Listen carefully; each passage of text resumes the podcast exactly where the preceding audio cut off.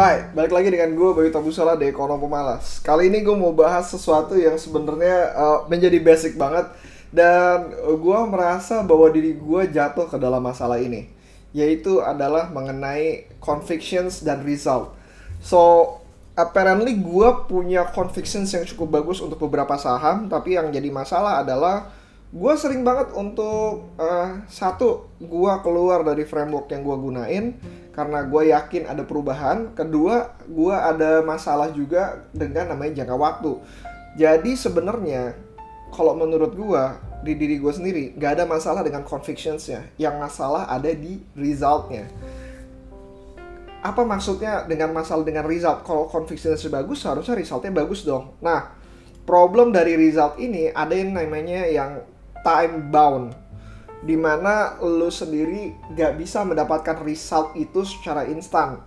Ketika lo melakukan investasi saat ini result itu akan dikeluarkan bukan dalam bulanan atau bukan dalam dalam mingguan tapi dalam harian atau bahkan menit jam dan detik gitu dengan perubahan harga saham tersebut. Nah result tersebut sebenarnya bias ketika lu punya convictions yang digunakan untuk jangka panjang tapi lu menghitung resultnya dengan menggunakan jangka pendek banyak banget yang terjadi masalah apalagi kalau misalnya berurusan dengan hal ini. Apalagi ketika lu bekerja di sebuah perusahaan yang hubungannya dengan KPI dan di mana KPI itu benar-benar di tracking secara mingguan atau mungkin harian. Nah uh, kalau lu men-track secara seperti itu lu berada di permainan yang salah menurut gua. Jadi ada sebuah apa ya anek bukan anekdot sebuah perumpamaan di mana lo berinvestasi pada pasar modal kalau bisa gue bilang perumpamaan itu kayak lu main bola. Kita tuh sebenarnya lagi main bola tapi dengan cara yang berbeda. Ada yang main bola dengan cara dipukul yaitu tenis ada yang ditendang. Bahkan yang ditendang pun ada berbagai macam cara. Ada yang ditendang tapi nggak boleh dipegang ada yang ditendang saja ya berarti nggak boleh dipegang. Ada yang bisa dipegang uh, atau mungkin uh, ditendang juga tapi uh, dengan peraturan yang berbeda. Contohnya kayak gitu, sepak bola lo ngomongin American football, American football lucu juga gitu, ngomongin football tapi pakai tangan. Uh, atau lo ngomongin tentang basket dan segala macam. Jadi lo ngomongin lo bisa sukses dengan banyak cara. Uh, yang jadi masalah adalah dengan cara yang lo pilih. Misalkan lo bermain basket, lo bermain tenis, ataupun lo bermain uh, yang lainnya atau uh, bu bukan bulu tangkis sih tenis bulu tangkis uh, squash ataupun segala macam tapi lu membandingkan strategi lu dengan resultnya orang lain. So apparently yang jadi masalah di gua adalah dua hal. Lu memainkan permainan lu tapi lu menggunakan skor dari orang lain. Di mana skor yang yang orang lain gunakan itu uh, menggunakan cara yang berbeda. Mereka punya result yang benar-benar berbeda. In the end lu ngomongin tentang result uh, skor tertinggi tapi skor tertinggi dengan cara yang berbeda atau permainan yang berbeda tentu saja dengan perhitungannya juga harusnya sebenarnya beda. Jadi yang perlu kalian ketahui adalah bagaimana cara kalian bermain dan bagaimana cara kalian menghitung skor kalian. Jadi kayak internal skor dari yang kalian lakukan, bukan dari eksternal skor. Even kalau misalnya kalian lihat hedge fund sendiri, mereka bilang katanya lu nggak bisa bandingin antara hedge fund dengan uh, manajemen investasi karena hedge fund itu punya fungsi yang berbeda dibanding manajemen investasi. Mereka menghedge dari sebuah fund. Hedge di sini berarti adanya uh, kemampuan dari perusahaan tersebut untuk mempertahankan nilai. Nah, kemampuan mempertahankan nilai itu gak ada di manajemen uh, manajer investasi. Dia sebenarnya adalah mengenerate nilai itu sendiri. Jadi kalau misal mereka cuma bisa long, nggak bisa short dan kalau misalnya kalian lihat, walaupun secara kenyataannya memang benar adanya bahwa skor dari uh, ataupun return dari hedge fund itu biasanya di bawah rata-rata dari manajer investasi dan manajer investasi biasanya rata-ratanya di bawah dari investor legendaris.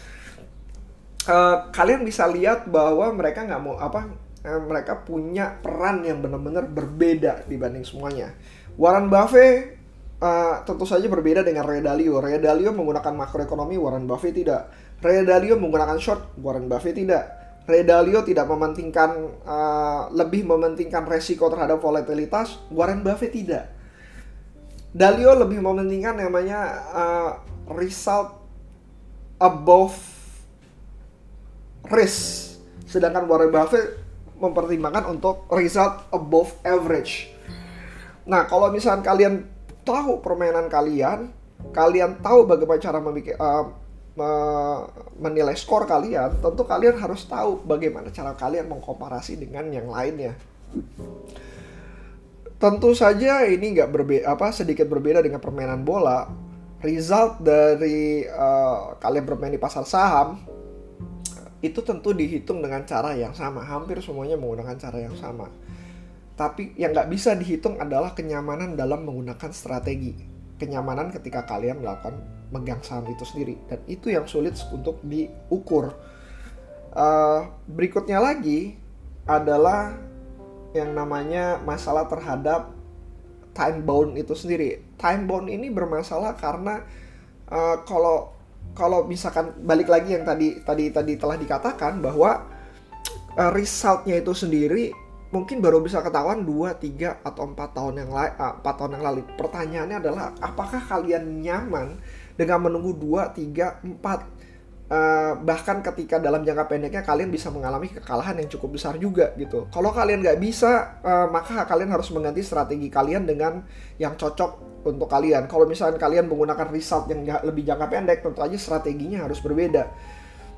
Nah, ini adalah kembali ke masing-masing dari diri kalian. Apakah kalian mementingkan result dalam jangka pendek atau result dalam jangka panjang? Itu yang pertama. Yang kedua adalah kenyamanan dalam kalian menggunakan strategi. Di gua, gue menyaman dengan menggunakan strategi gue tapi nggak nyaman dengan uh, dalam masa tunggunya kenapa ya karena resultnya bisa cenderung berbeda dengan apa yang gue lakukan uh, uh, apa yang gue kerjakan dan market kan nggak bisa gue suruh-suruh bahwa ini harganya memang benar seperti ini irasional itu sendirilah yang menghasilkan yang yang namanya menghasilkan uh, return yang berbeda antar sorry return yang abnormal juga. Keabnormalan dari suatu market bisa menghasilkan return dari eh, return juga yang abnormal. Sehingga kalau misalkan kalian nggak nyaman dengan hal tersebut, ya kalian nggak bisa mendapatkan abnormal return juga. Saran gue adalah ganti strategi kalian uh, dan mulai adjust terhadap uh, lingkungannya. Kalian nggak bisa memilih bagaimana cara result ataupun diri kalian uh, bereaksi gue bakalan to be frank bahwa untuk uh, manusia untuk bereaksi itu benar-benar kayak sulit sekali untuk dirubah yang kalian harus lakukan adalah adjust terhadap kalian bereaksi sehingga reaksinya tidak akan menghancurkan portofolio yang kalian miliki. Diversification bukan sesuatu yang uh, buruk uh, tapi itu juga bisa diversifikasi dari uh, perasaan kalian sehingga tidak terlalu melonjak lebih tinggi. So that's it.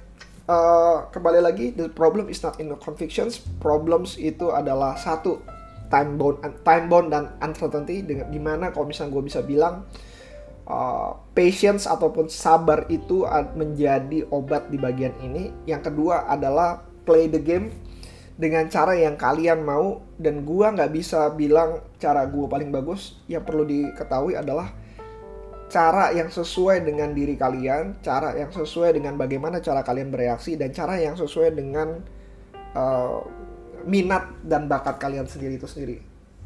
That's it. Gue akan kembalikan itu pada kalian. So,